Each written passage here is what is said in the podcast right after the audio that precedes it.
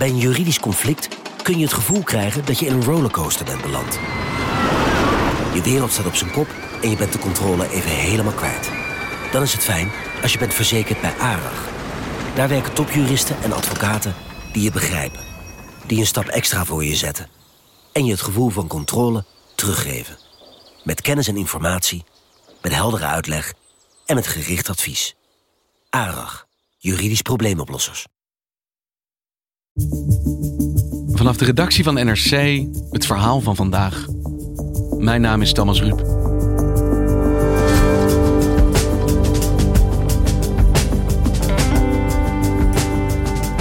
De Nederlandse rechtspraak worstelt als geen ander met de maatregelen tegen corona.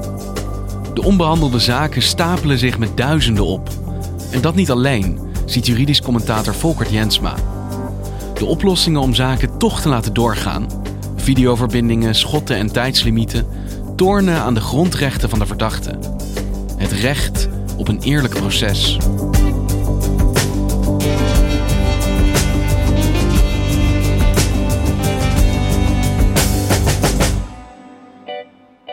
Als je normaal gesproken een rechtbank binnenkomt, dan is daar rumoer. Er staan mensen, zijn rijen. De balie is bemand, er zitten minstens drie of vier mensen. Achter glas, dik glas. En daar moet je je melden. En dan moet je vrij precies aan uitleggen wat je komt doen, waar je voor komt. En als die eh, persoon achter de balie eh, het daarmee eens is, dus die zitting die bestaat, dan zegt hij: U mag nu door de scanstraat. En dan, ja, dan kom je op een vliegveld. Hè? Dus dan moet je je jas uitdoen en je moet je tas neerleggen en je moet je horloge afdoen en je sleutelbos niet vergeten en je telefoon. En dan wandel je dus door uh, de, de, uh, de gangen van de rechtbank. Waar je overal uh, mensen ziet zitten, wachten. drentelende advocaten, parketwachten, dus politiemensen die heen en weer lopen, bodes die heen en weer lopen. En dan zeg je aan de bode. Goedemorgen, ik kom voor het kort geding om 11 uur. Ja. En ik ben advocaat van de gedaagde partij. Het is dadelijk H4 voor u? H4. Ja, neemt u daar in de buurt plaats? Ja. En dan moet je goed opletten, want dan op enig moment dan gaat de bode bij de deur staan en roept dan de zaak uit, zoals het heet. Aan de orde is de zaak Peters tegen de koning. Ja. Dan begint de zaak. Want als je nu beschrijft, doet het me ook een beetje denken aan een vliegveld. Maar in plaats van dan vertrekhallen heb je rechtszalen. In plaats van passagiers, advocaten, uh, uh, gedaagden. Maar iedereen door elkaar, iedereen met schijnbaar een bestemming. Ja, iedereen wacht op zijn eigen vlucht. En nu? Hoe is het nu binnen de rechtbank? Ja, het is nu uitgestorven. Het is heel vreemd. Um, je loopt de rechtbank binnen en je denkt: Goh, waar is de beveiliging? Waarom is er bij de Scanstraat niemand? En dan moet je goed zoeken en dan zie je één iemand die dienst heeft. En die zit dan achter dat glas en die vraagt dan wat je komt doen. En dan zegt hij daarna een ogenblikje meneer. En dan loopt hij om en dan gaat hij jou fouilleren en door de Scanstraat helpen. En dan kom je in de rechtbank en dan is er niemand. Want jij bent daar geweest. Er zijn wel zaken waar je bij kunt zijn? Ja, er zijn in de afgelopen weken uh, was de rechtspraak feitelijk gesloten. In ieder geval voor het publiek. Er waren in beginsel geen zittingen. Behalve voor wat men uh, aanduidt als urgente zaken. En dat waren er maar heel weinig. Want hoe gaat een rechtszaak in coronatijd op dit moment? Nou, om te beginnen is de afstand, de onderlinge afstand waarmee je binnenkomt, is natuurlijk anderhalve meter. En dan kijk je naar het podium. En het eerste wat je dan ziet is dat er tussen de rechters dat daar schotten geplaatst zijn. En dat zijn door, doorzichtige plexiglazen schotten. Waardoor het lijkt alsof iedere rechter een eigen loket heeft. En tegenover de rechters? Tegenover de rechters, ja, daar zit de advocaat. Maar het belangrijkste verschil is dat de persoon van de verdachte is vervangen door een manshoge paal waaraan een groot scherm hangt met daarop een speaker. En dat scherm dat staat zo ongeveer eh, op de plaats waar doorgaans de verdachte zit. Dus eigenlijk alle gebruikelijke spelers zijn fysiek aanwezig. De rechters, de officieren, advocaat. Maar de verdachte zelf niet. Ja. En dat is, dat is natuurlijk merkwaardig. In het begin van de lockdown zijn er wel wat verdachten naar de rechtbank aangevoerd.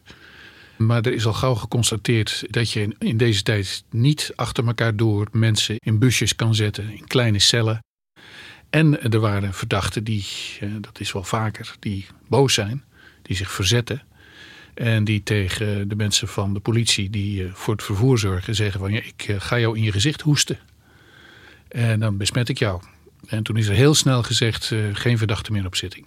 Ja, dat is goed. Op zich gaat het er enigszins gebruikelijk door. Alleen de verdachte is dus vervangen door een, ja, een scherm. Dat is heel veel mensen in deze tijd. Maar dus eigenlijk hebben ze dus wel een oplossing gevonden. Ja, men heeft uh, gedaan wat men kon. En het ziet er naar uit dat dat voorlopig ook zo zal blijven. En daar zitten wel problemen aan. Als je op de tribune zit, en ja, je zit daar natuurlijk uh, als vertegenwoordiger van de openbaarheid, dan is het eerste probleem dat je de verdachte niet kan zien. Dus je kijkt naar de achterkant van het scherm. Als publiek? Als publiek. Het echte probleem is nog dat ook de advocaat niet zijn, niet zijn cliënt ziet. Die zit namelijk ook niet voor dat scherm, maar die zit ernaast. Dus die hoort ook zijn cliënt, maar die kan dus ook niet waarnemen hoe die cliënt uh, dat gesprek meemaakt. En die kan ook niet overleggen met zijn cliënt. Wacht even, want ik ben vaak in een rechtbank geweest. Ik probeer het even voor me te zien. Maar een advocaat zit naast de cliënt. En dat is nu nog steeds zo. Alleen het scherm dat staat, kijkt recht naar voren. Ja, dat scherm kijkt recht naar voren. En dat staat toch een paar meter verderop. En als de advocaat in beeld wil komen, dan moet hij achter zijn tafel vandaan komen. In het bereik van de camera terecht zien te komen. En dat is dus totaal anders dan in een fysieke zitting waarin advocaat en, en verdachte naast elkaar zitten. En een advocaat even de hand op de schouder van de verdachte kan leggen en even kan zeggen van joh, nu even niet. Of leg dit maar wel uit. Of daar komen we straks op. Of dat zal ik zo wel vertellen. En dat contact is dus afwezig. En als ik jou zo hoor, is in deze setting het nadeel vooral voor de verdachte partij. Ja, die, uh, die ziet weliswaar de rechters. Die ziet dus niet zijn advocaat. Die maakt uh, zijn eigen zitting maakt hij maar heel gebrekkig mee. Ik was bij een, eh, een zaak uh, tegen twee uh, neven. Die bij een routine verkeerscontrole op de snelweg waren aangehouden. En die gedroegen zich een beetje verdacht. En toen vond de politie aanleiding om toch maar even in die auto te kijken. En toen vonden ze onder de stoel van de bijrijder een plastic zak met erin een kilo cocaïne. En daar hebben ze uiteindelijk een verklaring over afgelegd. Ze aangehouden, allebei. Uh, dit speelde in januari en we zijn nu in april. Dus die, uh, dat tweetal zat al een maand of vier in voorarrest. Dus dan is het echt nodig dat die zitting komt, zodat ze niet langer in voorarrest zitten dan dat hun eventuele straf is. Dus dit was een belangrijke zaak. Dus deze zaak moest snel voorkomen? Deze zaak moest. Nou, en dan zie je dus uh, dat scherm staan en dan is eerst de ene man aan het woord en daarna de andere man aan het woord.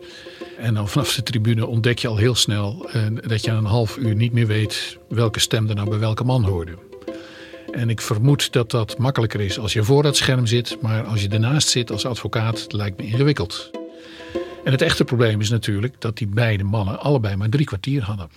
Want? nou, het blijkt zo te zijn dat er te weinig van die uh, studiootjes in de gevangenissen zijn. En dat er te veel gedetineerden uh, op dit moment dus via zo'n videoverbinding terecht moeten staan. En dan zegt de inrichting, ja sorry, maar we kunnen iedere gedetineerde maar drie kwartier toestaan. En dat is natuurlijk heel vreemd. Dus een zaak moet nu ook in 45 minuten afgerond worden. En dat duurt normaal natuurlijk ook langer, denk ik. Ja, de behandeling van een zaak duurde makkelijk een uur. Uh, soms zelfs meer. Dus wat er gebeurde al bij het begin was dat de rechter zei tegen de verdachte: ja, we hebben maar drie kwartier. Dus we gaan snel van start. Dus er stond meteen druk op. Toen we aan het einde van die drie kwartier kwamen, toen zei de rechter: ja, ja, ja, ja de, de officier moet nog aan het woord komen. Maar ik stel voor dat u toch eh, als verdachte maar eh, aan uw laatste woord begint.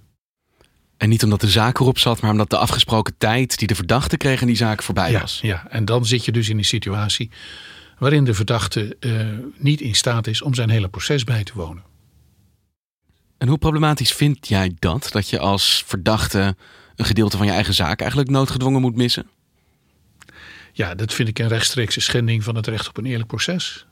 Dit gaat eigenlijk over de grens van wat er in, het, uh, wat er in de grondwet staat over wat een eerlijk proces moet zijn. En jij zegt eigenlijk kraakhelder. Op de zittingen die ik de afgelopen tijd heb gezien, was geen sprake van een eerlijk proces. Niet zoals dat zou moeten in Nederland. Precies. Want als jij dat nou constateert, jij komt er als journalist, als juridisch commentator. Ja. eh, en jij ziet gelijk, dit gaat niet goed. Dit is geen eerlijke rechtspraak. Ja. Hoe is het dan toch zo gekomen dat tot deze compromissen is besloten? Dat het toch op deze manier gebeurt? Men heeft eh, eind maart eh, met enig vertoon van daadkracht de hele rechtspraak eigenlijk gesloten. Rechtbanken sloten vandaag de deuren. Alleen zittingen die echt niet kunnen wachten gaan door. Met minder mensen in de zaal.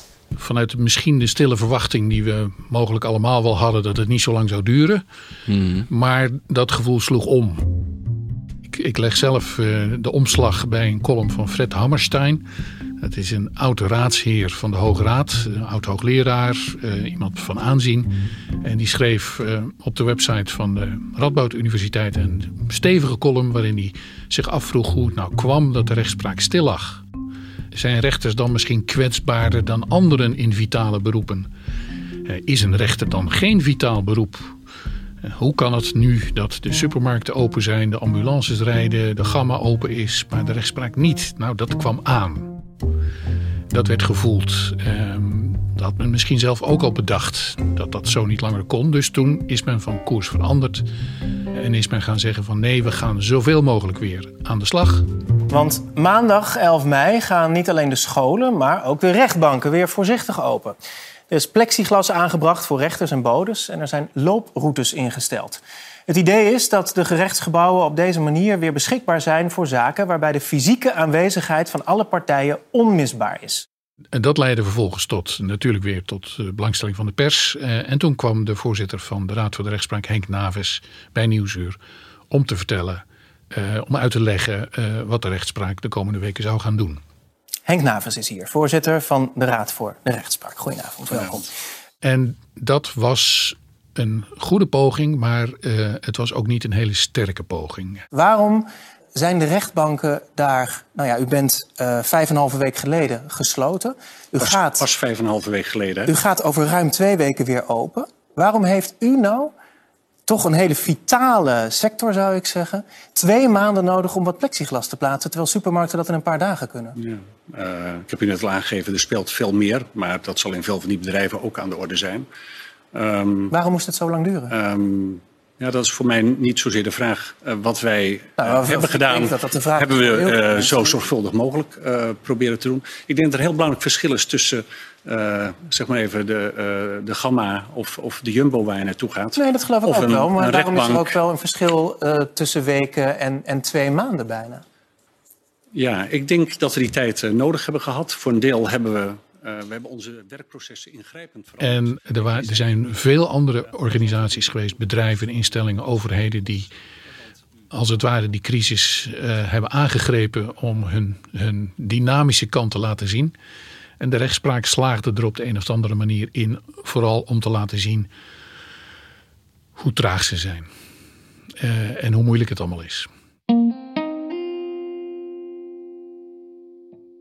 Want jij ziet dus een aantal ja, procedurele keuzes die een grote impact hebben op nou ja, misschien wat grondrecht, op goede rechtspraak. Maar aan de andere kant vraag ik me af, eh, het lijkt me ook voor de rechtbank heel belangrijk dat er niet een te grote achterstand komt. Dus dat er wel een en ander door moet gaan. Want hoe groot is de achterstand op dit moment van zaken die niet konden doorgaan? Men zegt 40.000 zaken. 40.000. Ja, dat zou er op de plank liggen. Want 40.000 is dat weg te werken? Hoe- hoeveel is dit? Nou ja, dat, eh, dat is ongeveer de helft van wat de hele rechtspraak aan strafzaken in een jaar produceert. Dus dat is een heleboel.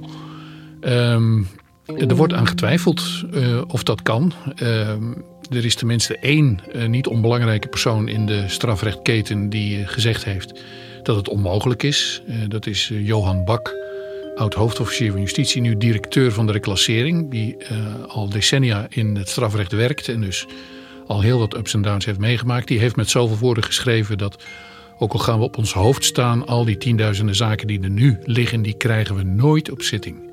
Dus daar moeten we wat mee, maar daar moeten we dan maar wat mee op een andere manier.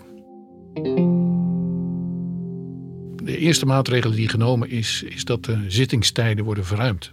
Dus de rechtbank die nu open is van, laten we zeggen, 9 tot half 5, gaat open van s ochtends 7 tot s avonds 10. En dat is de enige concrete maatregel die ik op dit moment ken. Want welke mogelijke maatregelen zou jij zien die dan niet genomen worden nog? Nou, je zou eh, de productiviteit van de rechtspraak zelf kunnen verhogen. Bijvoorbeeld door minder vaak, zoals dat heet, meervoudig te zitten. Dus drie rechters die één zaak doen. Je zou kunnen zeggen, we gaan vaker eh, zaken door één rechter laten doen. Dan krijg je meer uitspraken. Daar moet je wel de wet voor wijzigen. Tweede maatregel is, je breidt het aantal rechters uit. Bijvoorbeeld door je gepensioneerde rechters terug te halen. Je ziet nu in de zorg en in andere sectoren die onder druk staan dat mensen die daar gewerkt hebben terugkeren. En er zijn best veel eh, rechters die eigenlijk tegen hun zin met pensioen zijn gegaan en graag hadden doorgewerkt. Sterker nog, altijd als ik schrijf over achterstanden bij de rechtspraak, dan krijg ik mailtjes van rechters die zeggen van nou, belt u maar, kom graag terug. Ik mis het. Ja, ik mis het. Maar die maatregelen worden dus niet genomen nog. Nou, uh, ik heb er naar gevraagd. Ik, ik uh, sprak gisteren iemand die, dat, die het kan weten en die zegt dat ze daar nog niet aan toe zijn. Oké. Okay.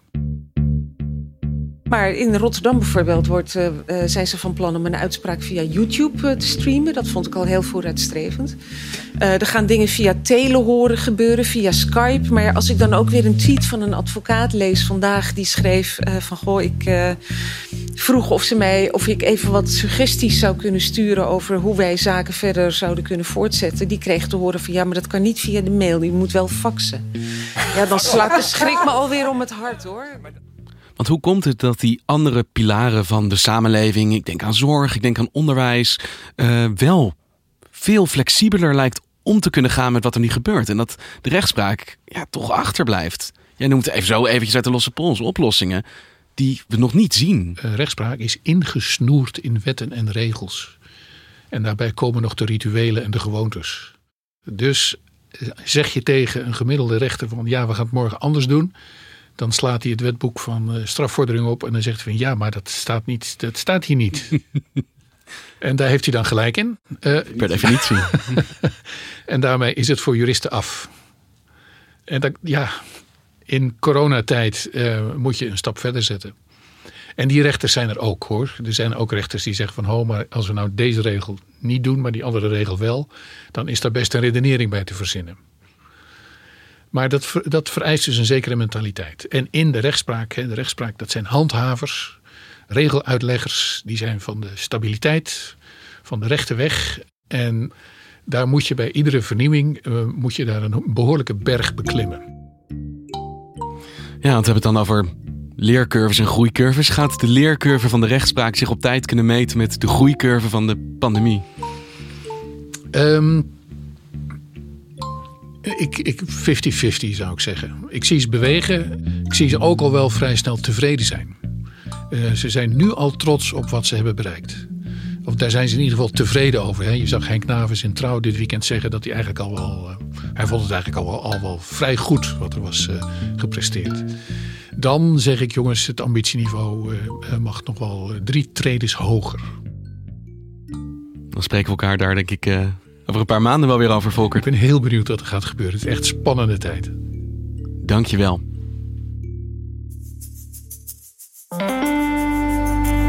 Je luisterde naar vandaag, een podcast van NRC. Eén verhaal, elke dag. Dit was vandaag, morgen weer.